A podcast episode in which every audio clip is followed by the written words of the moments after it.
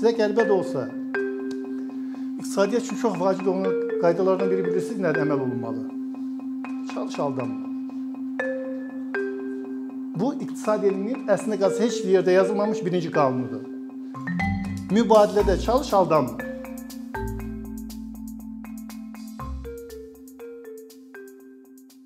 Əvvəl axşamınız xeyir. Bu axşam vaxtı əziyyət çəkib gəldiyinizə görə təşəkkür edirəm. Mövzumuz qeyd olundu. Yəni iqtisadiyyat e, hardasa dövlət və bazar tandemi belə bir qoyuluşdur. Çox mübahisəli bir mövzudur. Hətta mövzunun içində olanlar üçün burada tandem sözünü işlətməyin özü qəribə gələ bilər. Çünki adətən dövlətlə bazarı burada qarşıya qarşı-qarşı durmaya qoyurlar. Yəni qarşı-qarşıya qoyurlar. Dövlət burada olmalıdırmı, bazar olmalıdır. Ancaq mən bu məsələyi biraz akademik çərçivələrdən çıxaraq dövlət-bazar tandemi kimi qoydum. Yəni məsələnin qoyuluşunu bundan ibarətdir ki, hesab edirəm ki, e, iqtisadi inkişaf üçün dövlət və bazar ikisi də olmalıdır və bunların hər hansı biri yerində olmayanda, ancaq hər biri qədərində olmalıdır, yerində olmalıdır. Bu çox əhəmilidir. E, biri yerində olmayanda iqtisadiyyat tərəqqi edə bilməz. Çox mübahisəli mövzudur qeyd elədiyim kimi. Əvvəla e, elə iqtisad elminin özündə uzun müddət davamlı olaraq müzakirələrdə e, mübahisə yaradan məsələlərdir. Təsadüfi deyildir ki, məsələn, Amerikanın iki böyük məktəbi, Harvard məktəbi və Chicago məktəbi davamlı olaraq burada zid mövqelərdə dayanır. Orta mövqedə tutan Yeni Avstriya məktəbi iki məktəb var. Və yaxud siyasi e, proseslərdə bu çox ciddi ideoloji e, məzmun daşıyan bir məsələdir. Ona görə ki, Yəqin ki, siyasətlə e, və ya hüquqla maraqlananlar bilirlər ki, söhbət sağçılıqdan, solçuluqdan, mərkəzçilikdən və s. ideyalardan gedir. Yəni bunların hər birinin dövlətin iqtisadiyyatda yerinə və roluna öz baxışları var. Sosiologiya elmində buna e, fərqli yanaşmalar var və digər, yəni ümumiyyətlə bu məsələni kifayətlə uzatmaq olar. Ancaq mənim üçün burada daha çox bu məsələyə bir aspektdən baxmaqdır ki, e, ümumiyyətlə iqtisadiyyat nədir və nə üçün iqtisadiyyatda e, bu məsələ hər zaman e, problem olaraq ortaya çıxır. Yəni dövlətin və bazarın burada qarşılıqlı nisbəti nədən ibarətdir? Bir qədər akademik kitablarda, dərsliklərdə olandan fərqli bir yanaşma, yəni fərqli bir formada bunu izah etməyə çalışacağam. Ancaq təbii ki, fərqli yanaşma bu deyil. Başlayırıq birinci iqtisadiyyatdan ki, iqtisadiyyat nədir? İqtisadiyyat elm olaraq nəyi öyrənir? Belə bir e, şəkil çəkmək qabiliyyətim zəif olsa üzrlü sayın əvvəldən. Belə bir xəttlə hələ ki iqtisadiyyatı təsvir edək. Ümumiyyətlə iqtisadçılar güya ki bu qrafikləri xoşlayırlar. Bilirsiniz iqtisadiyyat deyəndə biz hər şeydən əvvəl birinci insanların müəyyən e, resurslara malik olması və bu resurslardan istifadəyə münasibəti onların davranışını öyrənir iqtisad elmi. İqtisad elmi insanların resurslara münasibətdə davranışını öyrənir. Yəni bütün onun o E, digər elmi hissələrini bir kənara qoysaq, kökündə dayanan budur.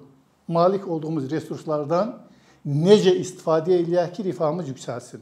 Bu bütün səviyyələrdə yanaşma tərzi bundan ibarət. Bu ayrıca götürülmüş bir insanda da ev təsərrüfatında, ailə təsərrüfatında bundan ibarətdir. Ayrıca götürülmüş bir firma üçün bu belədir. Ayrıca götürülmüş bir dövlət üçün bu belədir. Yəni hamısında kökündə dayanan resurslar və onlara münasibətdə davranışlardır. Bu davranışlar necə olmalıdır ki, rifah səviyyəsi yüksəlsin. Resurslar da sadalayanda biz bilirik resursların kökündə dayanan nədən ibarətdir resurslar? Resurslar. İqtisadçılar bilirlər. Ən az iqtisadi resurs deyəndə biz hər zaman nəzərdə tuturuq ki, yəni insanların rifahını müəyyən edən resurslara ilk növbədə insanın özünün malik olduğu iş qüvvəsi aiddir insanın malik olduğu qabiliyyətlər, bacarıqlara aiddir. Yəni insan iki resursun iki növünə bölünür. İş qüvvəsi kimi icra etmə funksiyası, bir də onun yaradıcı qabiliyyətləri. Bu da təşkil etmə, ideya yaratma və s. və ilə daxildir. İkinci element kapitaldır. E, kapital ünsürləri, yəni bizim malik olduğumuz daşlar, daşınmaz əmlak, mənzil, torpaq, e, torpaq ayrıca bir resursdur. İndi daşınmaz, daşınmaz əmlaka aid olsa da, yəni insanın özünün zəhməti ilə yaradılıb və ya ona hansısa formada nəsildən nəslə ötürülən və s. digər bütün əmlak, pul və s. elementlər. Və nəhayət üçüncü resurs da təbii ehtiyatlardır. Buna deyirik torpaq və təbii ehtiyatlar. Bunlar təbii ki, sonradan kapital formasında çıxış edir. Yəni bütövlükdə götürəndə iqtisadi resursların kökündə dayanan budur. Bizim hər birimizin ayrıca götürdükdə hər bir insanın, hər bir ev təsərrüfatının, hər bir cəmiyyətin ən müxtəlif həlqələr formasında rifah səviyyəsini müəyyən edən birinci element bu resurslara malik olma dərəcəsi ilə başlayır daha doğrusu. Resurslara malik olma dərəcəsi ilə başlayır. Ancaq biz davamlı olaraq bu resursları istehlak edirik. Elə deyilmi? Malik olduğumuz resursları istehlak etməliyik ki, gündəlik tələbatlarımızı ödəyək və belə deyək ki, öz yaşamımızı təmin edək. Bura aiddir yemək, içmək, geyinmək, mədəni istirahət etmək, e, futbola baxmaq, tamaşaya getmək və s. kitab oxumaq, hər şey. Yəni insanın adi gündəlik həyatını təmin edən, onun rahat yaşamasını təmin edən hər bir element.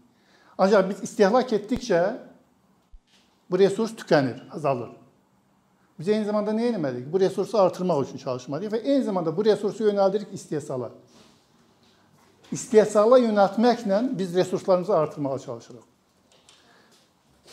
Və çox önəmli məqam da elə burdan ibarətdir. Həm istehlakda, həm də istehsala gedən resurs. İstehsala gedirik, resursu artırırıq, təzədən onun bir elementi istehlaka gedir. Və bütün bu proseslərin kökündə dayanan bir vacib element var.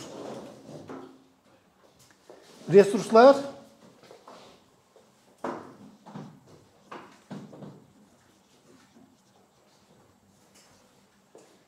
əldən ələ keçmə prosesi necə baş verir? Yəni istehsal, istehlak öz yerində deyə yazaq. İstehsal, istehlak. İstehsaldan sonra istehlak aydındır. İstehlak resursun artıq e, yox olmasını təmin elədik. Biz onu istehlak elədik, enerjimizi artırdıq, nə elədik? İstehsal prosesində olunan resurs, istehsal olunan məhsul. Yəni biz onun əsasında əslində qalsa məhsul yaradırıq. Yəni hər bir istehsala prosesinə cəlb olunan resursun özünün qiyməti var. İş qüvvəsinin əmək haqqı formasında, kapital faiz formasında, torpaq renta formasında, e, sahibkarlıq qabiliyyəti, yəni qabiliyyətimiz varsa xüsusi təşkil etməyə yaxud ideya yaratma, bu da mənfəət formasında özünü göstərir. Lakin bütün bu proseslərin kökündə dayanan başqa bir çox vacib məqam var. Resurslar əldən ələ necə keçir? Çünki resursun artırılmasının mənbəyində onun əldən ələ keçməsi prosesi dayanır. Əldən ələ keçmə. Çünki məndə olan bir resursun sizə ehtiyacı yaranıbsa, sizin ona verdiyiniz dəyər bu resursun qiymətini formalaşdırır və cəmiyyətdə dəyər yaranma prosesi buradan başlayır. Əldən ələ keçmək prosesi necə baş verir? İki element var. Ya mübadilədir, ya da müsadirə. Bütün cəmiyyətlərdə resurslar əldən ələ keçmənin iki yolu var. Ya mübadilə yolu ilə keçir, ya müsadirə yolu ilə. Və geniş mənada cəmiyyətlərin mahiyyəti müəyyən element budur. Cəmiyyətdə mübadilə üstünlük təşkil edir, yoxsa müsadirəmi? Varmı bizim cəmiyyətdə mübadilə? Əslində qalsa biz əldə etdiyimiz hər şeyi biz nə əldə ediriksə onu xərc çəkirik. Elə deyilmi? Xərc çəkmədən əldə etdiyimiz çox az şeylər var ki, onlara da iqtisadi mahiyyəti yoxdur. Onlara da iqtisadi resurs deyil. Məsələn, hava. Bugünkü gündə iqtisadi resurs kimi qəbul olunmur. E, tələbələrə mən bunu demişəm, yəni bilirlər bunu. Çünki onun e, belə deyək ki, məhdud olmadığına görə o resurs, bu resurslar hamısı məhduddur. Bu məhdudluqdan doğan çox vacib məqam var. Məhdudluq nədən doğur? Çünki e, bizim tələbatlarımızla müqayisədə onlardan istifadə etmə imkanımız məhdud və buradan seçim yaranır. Biz indi o elementlərə bir-bir toxunuruq. Ancaq bu çox önəmli məqamdır. Mübadilə. Müsadirə varmı həyatımızda? Var. Vergilər. Müsadirə olmur. Yəni könlümüzdən istədiyimizdən asılı olmayaraq. Ancaq cəmiyyətlərin əvvəli mübadilə üstündə deyil, daha çox müsadirə üstündə qurulub. Resurslar məhdud olduqca inkişaf, varlanma onun kökündə nə dayanır? Başqa ölkələri zəbt etmə, başqa tutma və s. və ilə axır. Dünyada müharibələrin gedişi ondan göstərilir. Ancaq bütün iqtisad elminin də çox vacib bir məqamı var. Müsadirə üstünlük təşkil edən cəmiyyətlərdə insanların güvəni olmur. İnsanlar maraqlı olmurlar istehsal prosesini genişləndirməyə. Çünki onun nəticəsi onun əlindən, onun razılığı olmadan alınırsa heç kəs istehsal prosesinə getməz. Ümumiyyətlə istehsala maraqlı olmaz. Ona görə də mübadilə çox önəmlidir. Özdə nə cür mübadilə? Qarşılıqlı faydalı mübadilə. Bazar iqtisadiyyatı deyirik ya, bazar iqtisadiyyatının kökündə qarşılıqlı faydalı mübadilə dayanır. Bu çox önəmlidir. Bazar iqtisadiyyatı kapitalizmlə eyni deyil. Kapitalizm daha çox siyasi sistemdir. Bazar iqtisadiyyatı onun münasibətin kökünü formalaşdırır. Qarşılıqlı faydalı mübadilə. Yəni bu mübadilədə iştirak edən tərəflər bu prosesə könüllü qoşulurlar və qarşılıqlı razılaşdırırlar. Tələb təklif deyirik iqtisad elmində ona. Tələb təklifin üzləşməsi. Və bunun nəticəsində də hər iki tərəfi qane edən qiymət formalaşır və mübadilə baş tutur. Bütün iqtisad elminin o belə deyək, Adam Smithin görünməz əl nəzəriyyəsinin kökündə bu ideya dayanır. Necə olur ki, iki nəfər mübadiləyə girir və hər ikini razı salan bir formada buradan çıxır. Artıq burada müsadirə yoxdur.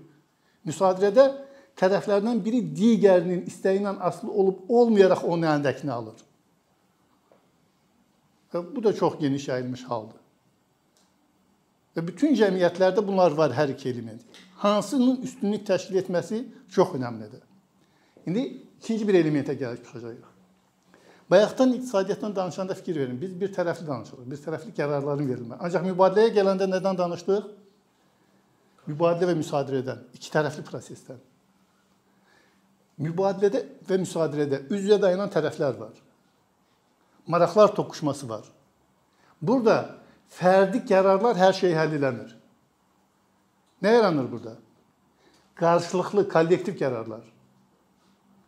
Bütün iqtisadiyyat bu cür iki tip qərarlardan asılı olur. Kollektiv qərarlar və fərdi qərarlar. İndi o iki elementi biz bunun üstünə gətirsək, bu xətləri izah edəcəm söhbət nədən ibarətdir? Bütün iqtisadiyyatda baş verən proseslər kollektiv qərarlarla fərdi qərarların üstündə qurulur. Kollektiv qərarlar ədaləti təmsil eləyəcək. Fərdi qərarlar effektivliyi təmsil eləyəcək. Bir qədər dövlət tənzimlənməsi ilə bağlı mövzuları oxuyanlar deyə düşünə bilərlər. Yəni rast mütləq gələ bilər. Geniş mənada deyir ki, dövlətin iqtisadiyyatda iki rolu var. Bir, ədaləti təmin etmək. İkinci, effektivliyə yönəlik qərarlar vermək. Ancaq effektivliyə yönəlik qərarlar vermək daha çox nədən asılıdır? İnsanların fərdi bacarıqlarından. Ancaq bir şərtlə. O cür qərarlar qəbul etməyə mümkün mühit olsun. Nədir bu mühit? Ədalət deyəndə biz nədən danışırıq? Hüquqşünaslar bilirlər. Hüquqlardan. Hüquqlardan, geniş mənada hüquqlardan. Ən başlıcası mübadilə üçün nə lazımdır? Oyun qaydaları. İki nəfər öz arasında mübadilə edir. Bu mübadilə yalnız bu ikisinə xasdırsa, onlar nə edəcəklər orada? Öz aralarında mütləq şərtləri müzakirə edəcəklər. Çünki bu ikisinə aid məsələdir. Şərtləri müqayisə müzakirə edib mütləq nəyə gələcəklər? Bir müqaviləyə. Bütün mübadilə proseslərinin axırında müqavilə var. Əgər o baş tutursa, müqavilə. İki nəfər arasında müqavilə. Biz firma yarada bilərik iki nəfər birləşib. Mütləq nə var orada? Müqavilə var. Biri alır, biri satır. Mütləq bütün alqı-satqı prosesi, kredi gedib kredit götürürsüz, ya o birisini edirsiniz, istənilən müqavilə prosesini çörək alırsınız hətta belə. Ya yazılı, ya şifahi. Orada mütləq bir müqavilə yaranır. Yəni müqavilənin yaranması o deməkdir ki, tərəflər şərtləri razılaşdırdı, müqavilə baş tutdu. İndi bütün bu prosesləri kütləviləşdirin cəmiyyət səviyyəsinə. Ki bunlar davamlı baş verən proseslərdir. Onda bizim nəyə ehtiyacımız yaranır? oyun qaydalarına. Oyun qaydaları çox əhəmilidir. Qanunlar, qaydalar və s. Ancaq iki nəfər arasındakı sövdələşmənin, üç nəfər arasındakı sövdələşmə yalnız onlara aiddirsə, onlar öz aralarındakı müqavilələr tənzimləyə bilir. Üç nəfərli proses nədir bu? Qərar nədən ibarətdir? Kollektiv qərardır. Üç nəfər öz arasında ya iki nəfər öz arasında kollektiv bunu müzakirə edib nə veririk? razılaşdırılmış bir müqaviləyə gəlirik. Kollektiv qərardır. Bu qərarda nələr olacaq mütləq? Ədalətli şərtlər, hamını qane edən. Bunlarda da ədalət önəmlidir. Hər bir müqavilənin ədalət məsələsi var. Əgər ədalətsizlik olacaqsa nə baş verəcək? Ya müsadirə olacaq elementin adı. O qədər biz müqavilələrdə ona rast gəlirik ki, bizim evdə kommunal xidmətlərlə bizim bağladığımız müqavilələrin böyük əksəriyyəti müsadirə xarakterlidir. Orada qarşılıqlı şərtlər nəzərə alınmır. Ancaq eyni zamanda o müqavilənin düzgün olması üçün nə olmalıdır? Hər bir tərəf özü özünü müdafiə etməyi bacarmalıdır. Yəni bütün halda bu kollektiv qərarların özündə belə nə var? Hər bir fərdin nə dərəcədə özünü müdafiə edib, özünü daha doğrusu müdafiə etmək deməyək də onu. E, özünü düzgün anlaması. Onun e, belə deyək, o hala nə deyə bilərik biz? E, mötədilliyi. Onun mötədilliyi olmalıdır. Öz gücünü bilməlidir. Yəni burada çox əhəmilidir ki, müqavilələrdə güc çox əhəmilidir. Tərəflərin öz gücünü bilməsi bir qədər uza, uzun uzağa gedir. Deməli, biz bura yazsaq, indi ədalətin ikinci səviyyəsinə də gələcəyik. Deməli, bu resurs xəttidir, iqtisadiyyat, bu ədalət, bu effektivlik. Ancaq ədalət 2-3 arasındakı nəfərdən çıxsaq, bu ölkə səviyyəsində kütləviləşən tədbirlər olanda bura nəyə ehtiyac yaranır? Ölkə boyu qanunlara, qaydalara. Elə deyil? Ki, bu da özünə də göstərir məsələn mülki məcəllə və yaxud digər qanunlar. Ancaq bütün bunlardan əvvəl ədaləti təmin edən çox vacib şərtlər var. İnsanın təməl haqları və azadlıqları. İnsanın yaşamaq hüququnun tanınması, insanın səadətə can atma hüququnun tanınması və qorunması. Ən vacibi mülkiyyət hüququnun qorunması, tanınması, qorunması və ötürülə olması. Bu çox əhəmilidir. Mübadilə bütün mübadilələrdə mülkiyyət hüquqları və yaxud müsadirədə mülkiyyət hüquqları ötürülür. Ona görə də mülkiyyət hüquqlarını dəqiq təyin etməsi çox əhəmilidir istənilən iqtisadiyyat üçün. Məsələn, geniş yayılmış bir hala deyək sizə. E, çox mənzilli yaşayış binaları. Yəqin çoxumuz o binalarda yaşayırıq. Hələ də Sovetdən qalma bircəklər var, elə deyilmi? Hələ də səlahiyyət məlum deyil nə ilə məşğuldurlar. Ancaq çox mənzilli binalarda əgər onlar özəlləşdirilibsə, o çox mənzilli binaların üstü, altı, onların bloklarının içi, həyəti, o çox mənzilli binanın özünə aid olmalıdır. Mülkiyyət hüququ ora verilməlidir və orada yaşayan hər bir bina sakininin, mənzil sahibinin o mülkiyyətə payı olmalıdır. Və onlar onun tərəfinə idarə olmalıdır. Bizdə hələ indiyəcən də bu hüquq tanınmadığına görə icra hakimiyyəti başçıların əlinə girəvə düşür. Həyət bütün o binalara aid həyətlərdə onun o o zonaya düşən yeri satır ora bura ya nəsə tikirlər, ya bina tikirlər, ya o birisini tikirlər. Halbuki bu mülkiyyət hüququ təyin olunsa, ora sərəncam vermə hüququ, istifadə hüququ hamısı mənzil mülkiyyətçilərində olmalıdır. Mülkiyyət hüquqlarının dəqiq təyin olmaması iqtisadiyyata çox böyük problemlər yaradır. Dəhşətli dərəcədə böyük. Ədalət dediyimiz odur ki, bütün insan təməl haqları, hüquqları tanınır. Mülkiyyət hüququ tanınır. Və bu bu tanınma, oyun qaydaları yaradılır. İndi biz deyəcəyik, oyun qaydaları məsələsinə də gələcək birazdan. Çox önəmli bir məqam var. Oyun qaydaları hamı üçün eyni olur.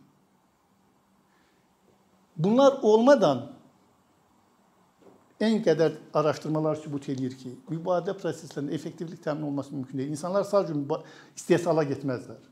Çünki o qorxur ki, onun əlindən hər an gəlib müsadirə olunsun bir yoldan ötən bir quldur, bir o birisi gəlib onu müsadirə edirlər. İnsanlar istehsal proseslərinə baş qoymağa maraqlı olmurlar. Bizdə qeyri-neft sektorunun niyə inkişaf etməməsinin kökü gedib burada axtarılmalıdır. Güzəştlərdə deyil hansısa. Gəlirik iqtisadiyyat biz keçdik hələ bura effektivlik məsələsinə. Effektivliyi təmin edənlərdir. Yenə xətti hər zaman yadda saxlayın. Bu tərəfdə kollektiv qərarlardır ədaləti təmin edəndə ki, onlar danışıqlar prosesində konsensus yolu ilə həll olunur. Konsensus çox önəmlidir. Bir tərəfli heç kəs yalnız güc nümayiş etdirirsə biz mübadilə deyil, müsadirəyə gəlib çıxacağıq. Bu tərəfdə isə fərdi qərarlar. Nədən nədir o fərdi qərarlar ki, biz fərdi qərarları bazar adlandırırıq. İstənilən kollektiv qərarı biz dövlət adlandırırıq. Dövlət adında nə dayanır sonrakı məsələdir. Çünki ümumilik var. kollektivlik var. Niye dövlət adlanır onu da birazdan deyəcəyik. Sadəcə mahiyyəti önəmlidir burada. Nə var fərdi qərarlarda? Hər bir adam öz resursundan necə istifadə etmək qərar verməkdə nədir? Sərbəst. Onun sərbəst seçim hüququ var.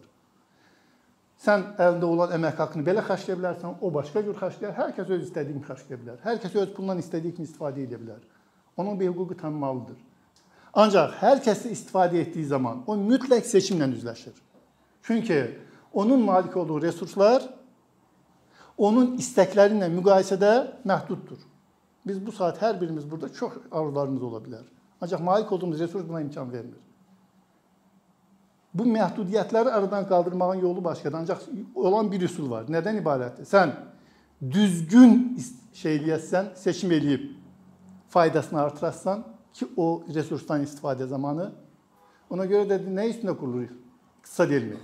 İqtisad elmi insanların rasional seçimi üstündə qurulub. Kökündə nə dayanır? faydasını maksimumlaşdırmaq. Biz çəkəcəyimiz xərc müqabilində daha çox fayda götürmək istəyirik. Buna deyir ki, xərc fayda analizi. İqtisadçıların çörək ağacı. Kökündə bu dayanır. Xərc fayda analizi. Bura xərc çəkilən, bura fayda nə gedir? İndi bu çox sadə element. Seçim. Və buradan yaranan digər elementlər nədən asılıdır? İnsanların biliklərindən, bacarıqlarından, dünya görüşündən, informasiyadan və s. və. O baxımdan fərdi qərarların özü insanlarda müxtəlif seçimlər yaradır. İstəklər formalaşdırır. Ona görə də fərdi qərarların üstündə çox mühüm 3 sual dayanır. Nə? Necə? Kimin üçün? İqtisadçılar çox eşidiblər bu sualları. Nə istehsal etməli? Hər birimizin qabağında dayanır, elə deyilmi? resursumuz varsa, mən iş güvəmi hara sərf edeyim? Hansı sahəni öyrənim və ya hara gedim? Nə işlə məşğul olum? Hansı universitetdə oxuyum? Bunlar hamısı həmin sualdır. Nə sualı? Nə istehsal edilmədiyində düşünməyin söhbət yalnız mütləq hansı məhsuldan gedir. Ümumiyyətlə bu nə seçimi sizin qarşında duran, hər birimizin qarşısında duran məsələdir. Mən resursumu hara yönəldim? Bunu nə müəyyən eləyir? İnsanların istəkləri, seçimləri, hansı sahə, hansı sahədə mən bu resursdan daha çox gəlir götürə bilərəm. Hər kəs onu düşünür. Mən hər zaman misal çəkdiyim bir misal var. Orta məktəblərdə, hətta aşağı siniflərdə uşaqlara deyirlər, sən böyüyəndə nə olmaq istəyirsən? O da deyir, prokuror və yaxud vergi işçisi. Bilmir hələ o nədir. Ancaq bilir ki, o sahədə çalışanlar yaxşı dolanırlar. Seçim oradan yaranır. İkinci, necə nə istehsal etmənin sualını fərdlər verir. Fərdi qaydada. Bu sualın cavabını dövlət verirsə kollektiv qaydada orada inkişaf olmayacaq. Bax, rollar belə bölünür. Bu sualın cavabı fərdi verilir. Hər kəs öz düşüncə səviyyəsini özü müəyyən edəcək. Dövlət başçısı deməyəcək ki, gedin hamınız pambıq həkim və ya barama həkim. Yox. Pambıq əkən, barama əkən, maşın istehsal edən, maşın, avtomobil yuyan, o bir hər kəs öz bacarığına uyğun özü qərar verəcək. Bunu necə edəcək? Hansı texnologiyalarla edəcək? Necə sualın kökündə texnologiya dayanır? Yəni bu prosesə mən necə nail olacağam? Hansı resursların kombinasiyası formasında? Bunu rəqabət müəyyən edir. Çox vacib element iqtisad elminin. İqtisadçılar bilirlər, elə deyilmi? Cəmiyyətin inkişafının kökündə dayanır. Necə sualın cavabını rəqabət müəyyən eləyir. Yenə hansısa dövlət məmuru müəyyən eləmir. Dövlət məmurunun işi bu deyil. Dövlət məmuru kollektiv lazım olan ədaləti təmin etməkdir onun işi. Onun işi fərdi qərarlara toxunmaq deyil. Bunu rəqabət müəyyən edəcək. Və nəhayət üçüncü, kimin üçün bunu edirəm? Bu da çox önəmlidir. Bunu müəyyən edən nədir? Bunu müəyyən edən qiymətlərdir və yaxud dolayısıyla insanların alıcılıq qabiliyyəti. Kimisi 2 milyonluq saat taxmaq istəyir qoluna, 2 milyonluq avtomobildə gəzmək lüksü var. Kiminin 2000 dollarlıq avtomobildə gəzmək lüksü var. Tələb əyrisinin maliyyi də oradan gəlir. alıcılıq qabiliyyətləri müxtəlif olmaz. Sən kimin üçün bunu eləyəsən? Hamısı fərdi qərarlar və bu fərdi qərarlar Adam Smithin sözü ilə desək, hər biri öz faydası üçün çalışmaqla cəmiyyətə fayda gətirir. Onun məşhur sözü var deyir, pivə satan pivəni, pivə içənin qara, göş, qara qaşına, qara gözünə vurularaq ona vermir. Onu düşündürən odur ki, pivə, pivə içmək istəyənə hazırdır bu pivəyə pul versin. O da gəlir pivəsini verir, pul, şey, pivəsini verir ona pulunu alır. Öz faydasını düşünür. Və bu fərdi qərarlar inkişafa çox önəmli təkan verən elementlər olur. Və iqtisad elmində öyrənirik biz bu çərçivədə. Bax bu qərarlar əslində nə qədər geniş bir çərçivədə baş verən elementdir. Ancaq bütün bu qərarlarda diqqət yetirin. Hər zaman iqtisadi inkişafın kökündə hər zaman nə deyirlər? Hələ iqtisadi artım nəzəriyyələrində də bu problem var. Siz biləsiniz iqtisad elmində. Uzun müddət iqtisad elmində iqtisadi artım nəzəriyyələri, modelləri kapital və əməyə hesablanıb. Son Nobel mükafatçıları laureatlarından biri Romer. Keçən bu son il yox, əvvəlki il. O bir neçə illər bunun əvvəl dedi ki, yox, bunun çox önəmli düzdür. Onun ayrı-ayrı elementləri əvvəl də var idi. Texnologiya da çox önəmlidir. Texnologiya deyəndə nə nəzərdə tutulur? Əslində texnologiya deyəndə onun dediyi texnologiya bilirsiniz nədən ibarətdir? Bu resursları birləşdirmə formaları, yəni ideyalar. Ancaq müasir dünya ümumiyyətlə onun üstə qurulub artıq inkişafın kökündə nə dayanır? İdeyalardır. Dünya üzrə ümumi daxili məhsulun 65%-dən çoxu insan kapitalı forması, insan kapitalı hesabına yaradılır. Artıq təbii resurslar orada yalnız 13% təşkil edir. Bizdən fərqli olaraq Azərbaycandan. Yəni bu onu göstərir ki, artıq ideyalar, yəni insan qabiliyyətləri bu fərdi qərarlarda fərdi qərarda önəmli olan nədir? İnsanın bilik, bacarıq, qabiliyyət və s. Ancaq bu elementlər üçün insanların güvəni olmalıdır proseslərə qoşulmaq üçün. Güvəni yaradan ədalətdir. Ədalət. Hansı formada? Qanunlar formasında. Hansı formada? Qanunlara əməl olunması formasında. Çünki mübadilə olan hər yerdə nə ola bilər? Müsadirə və mübadilə olan hər yerdə münaqişə ola. Müsadirədə mütləq münaqişə var. Mübadilədə də müsadirə cəhdlərinə görə müqavilələr şeylər olur, müba mü e, mübahisələr, münaqişələr. İnsanlar heç də hər zaman əm müqavilədə əməl etməyə maraqlı deyillər. Öz işini yüngülləşdirmək üçün nə, nəyə çalışırlar? Yəni haqsız əldə olunan hər şey biz müsadirə deyirik. Qarşılıqlı faydalı olmayan. Terminoloji baxımdan söz anlaşılır. Elə deyilmi? Mübadilə və şeydə. Və burada da çox önəmli bir element var. Və burada necə də rəqabət dedik. Əslində qalsa rəqabətin kökündə bilirsiniz nə dayanır? Orada da birinci element odur. Təməl insan haqlarına, hüquq və azadlıqlarına əməl olunma şərti ilə məhdud bir şeyi əldə etmək üçün əvvəldən razılaşdırılmış oyun qaydalarına uyğun olaraq birdən çox iştirakçı arasında baş verən mübarizə. Yəni Görürsüz kökün birinci elementi nədən başladı? Ədalətdən. Qanunların hamı üçün bərabər olması. İndi burada da üç sual gəlir. Kim, necə və kimin üçün? Qəribə də olsa. Hüquqşünaslar yəqin bu suallarla üzləşmir. Bizim iqtisadçıların sualıdır. Bir, qanunu kim qəbul edir? Oyun qaydalarını kim müəyyən edir? Maraqlıdırmı bu sual? Çox maraqlı oyun qaydalarını müəyyən edən kimdir? O bunu necə müəyyən edir? Oyun qaydaları kimin üçün müəyyən olunur? Ondan istifadə oyunçular üçün, elə deyilmi? Yəni oyunçular deyəndə geniş bu proseslərdə iqtisadiyyatda çalışan hamısı üçün. Deməli, onların hamısının burada nəyi olmalıdır? Maraqları təmsil olunmalıdır. Deməli, oyun qaydalarının yaradılması zamanı nə olmalıdır? Təmsilçilik olmalıdır. Kiçik bir evdən tutmuş, ev təsərrüfatından tutmuş, ailədən tutmuş bir ailə daxilində, resursların bölgüsündə konsensus əldə olunmalıdır. Ev təsərrüfatının iqtisadiyyatında düzdür, orada bir altruist element var. Altruizm elementi ümumiyyətlə iqtisadiyyatda çox önəmli bir elementdir. Ona da gələcək. Ancaq bütün halda bir maraqların əlaqələndirilməsi prosesi gedir və bu aşağı səviyyədən bütün səviyyələrdə bax bu maraqların əlaqələndirilməsi çox önəmlidir. Bəs bunu necə təmin etmək mümkündür? Əgər qərarı, oyun qaydalarını bir şəxs müəyyən edirsə, kral, padşah, prezident və yaxud kim? Mümkündür belə hal? Almaniyada olur, bizdə olmasa da. Hə. Mən məsəl üçün Almaniya dedim. Yəni ümumiyyətlə bütün inkişaf etmiş ölkələrdə elədir. Bir nəfər bütün qanunları müəyyən edir. Hə. Deməli bir nəfər, bir klan fərqi yoxdur. Yəni seçilmişlər bunu müəyyən edə bilər. Onlar hamının maraqlarını nəzərə alacaqlarmı? Yox. İkinci bir element. Bəs bunu necə təmin etmək?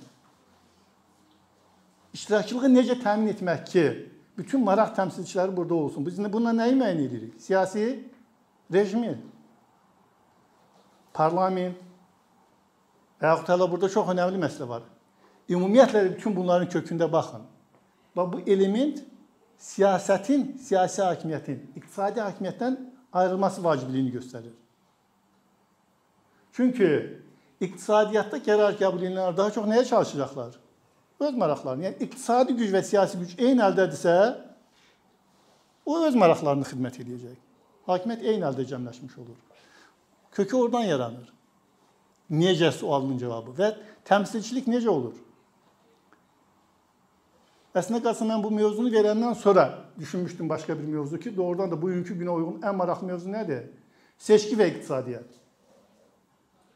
İqtisadi inkişafda seçkinin rolu nə qədər önəmli? Bu oradan gəlir bu. Oyun qaydaları necə müəyyən olunur? Nə qədər təmsilçiliklə, nə qədər maraqlar təmin olunur? O sualın cavabı çox genişdir. Yerli səviyyədən tutmuş ölkə səviyyəsinə qədər majoritar sistemdən tutmuş proporsional sistemə kimi. Bütün bunlar maraqların təmsili formalarıdır. Və nəhayət üçüncü, oyun qaydaları kimin üçün müəyyən olunur? Qanunlar nə üçün yazılır? Cəmiyyəti o qanunun asılı vəziyyətə salmaq üçünmü, yoxsa oyun qaydaları müəyyən eləyib belə deyək ki, doğrudan da iqtisadi inkişaf xidmət etmək üçünmü? O qanunu qəbul edənlər özləri o qanuna əməl edirlərmi? Bizim bu saat ən böyük problemlərimizdən biri budur. Qanunlar yaradılır, qanunlar əməl olunmur. Və yaxud qanunlar qəbul olunur kimin üçün? Kütlə üçün. Elita özünə qanunları şamil eləmir. Bunlar yeni şeylər deyil. Bunun notdan tutmuş şey kimi çox böyük tədqiqatlar var bununla bağlı. Çıxış yolu nədən ibarət? Elita özü üçün qanun qəbul edəcək. O qanunları həm də kütləyə şamil edəcək. Başqa yol yoxdur. Elita hələ güclüdürsə. Çünki bizim aşağıdan demokratiya imkanlarımız məhduddursa, o institutlar bizdə formalaşmayıbsa, bunlar həm də institutların formalaşmasını təmin edir. Eyni ilə oyun qaydalarına əməl olunmanın şərti nədən ibarətdir? Ona nəzarət olunsun. İctimai əsayiş qorunsun. Onunla belə oyun qaydalarının əməl olunmaya əməl olunacağına təminat yoxsa, pozulursa, onda nə olmalıdır bərpa üçün? Azad, müstəqil məhkəmə sistemi. Baxın biz nə qədər işə gəldik. Oyun qaydalarının yaradılması, oyun qaydalarının əməl olunmasına nəzarət, oyun qaydalarının pozulduğu halda münaqişələrin ədalətli həlli, bütün bunlar kimin işi olur? Ümumi işlərdir. Ölkə səviyyəsində bu dövlətin işidir. İndi mən bütün səviyyələrə təbii ki, düşməyəcəm. Eyni zamanda ümumi olan başqa şeylər də var. Məsələn, pul dövriyyəsinin təmin edilməsi kimin işidir? Yenə hər kəs özü üçün, hər bir mübadilə iştirakçısı özü üçün pul yarada bilməz ki. Nə olmalıdır? Ümumi pul olmalı. Deməli o da ümumi funksiyaya gedir. Bazar isə nəyi həll elədi? Ən vacibi nə, necə və kimin üçün istehsal etmə məsələsi. Mövzu genişdir, yəqin hamısında dayanmayacağıq. Məhdudluq müəssisə problemini dedik. Nə var burada? Effektivlik də geniş termindir əslində. Effektivlik özü də ən vacib məqam. Birincisi ölkə üzrə qiymətləndiriləndə və yaxud hər bir fərd səviyyəsində qiymətləndiriləndə seçimin birinci elementi odur ki, mən seçim eləyəndə düzgün seçim elədimmi? Ki bu 1 saatı axşamın bu vaxtı gəlib burada mı sərf eləyim? Yoxsa bu 1 saatı siz gedib hardasa çay içə-içə və yaxud hardasa dostlarınızla söhbət imkan elə deyilmi? O seçimdir. Buna üstünlük vermisiniz. Müqabilində əldə edəcəyiniz nədən ibarətdir? Mən bura gəlməklə nə qazandım? Mütləq sonradan, mütləq siz qiymət verəsiniz. Bura getməyinə dəyərdimi? Mən bunun müqabilində bu 1 saatı başqa bir, hələ 1 saat da deyil. Bura gəlmək yolu, digəri, bu buna dəydimi mənim bura gəlməyim? Əgər ürəyinizdə dediysə gəldim, bu buna dəydi, deməli siz səmərəli qərar vermisiniz. Sonradan əş mənası idi, bilsəydim heç getməzdim. Qərarınız nə oldu? Səhv qərar oldu. Bax bu bütün addımlarda var və buna deyirik resursların allokativ səmərəliliyi. Yəni bölünmə səmərəliliyi.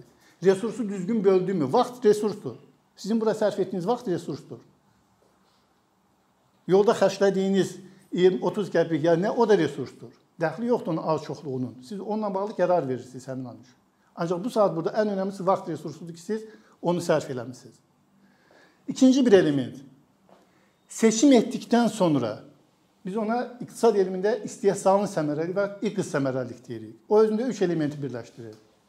Qənaət, mümkün qədər az xərc, məhsuldarlıq, mümkün qədər çox məhsul yaratmaq və üçüncü nəticəlilik. Nə dərəcə əldə etdiyim nəticə mənim məqsədimə uyğun idi. Bu üç element.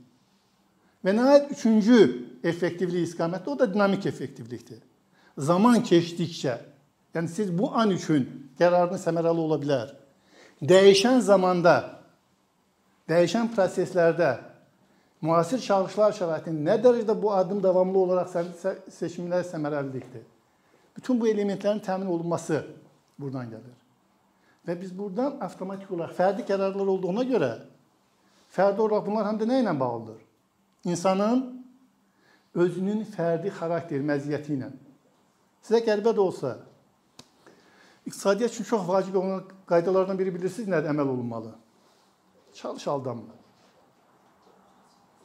Bu iqtisad elminin əslində qalsa heç bir yerdə yazılmamış birinci qanunudur. Mübadilədə çalış aldanma.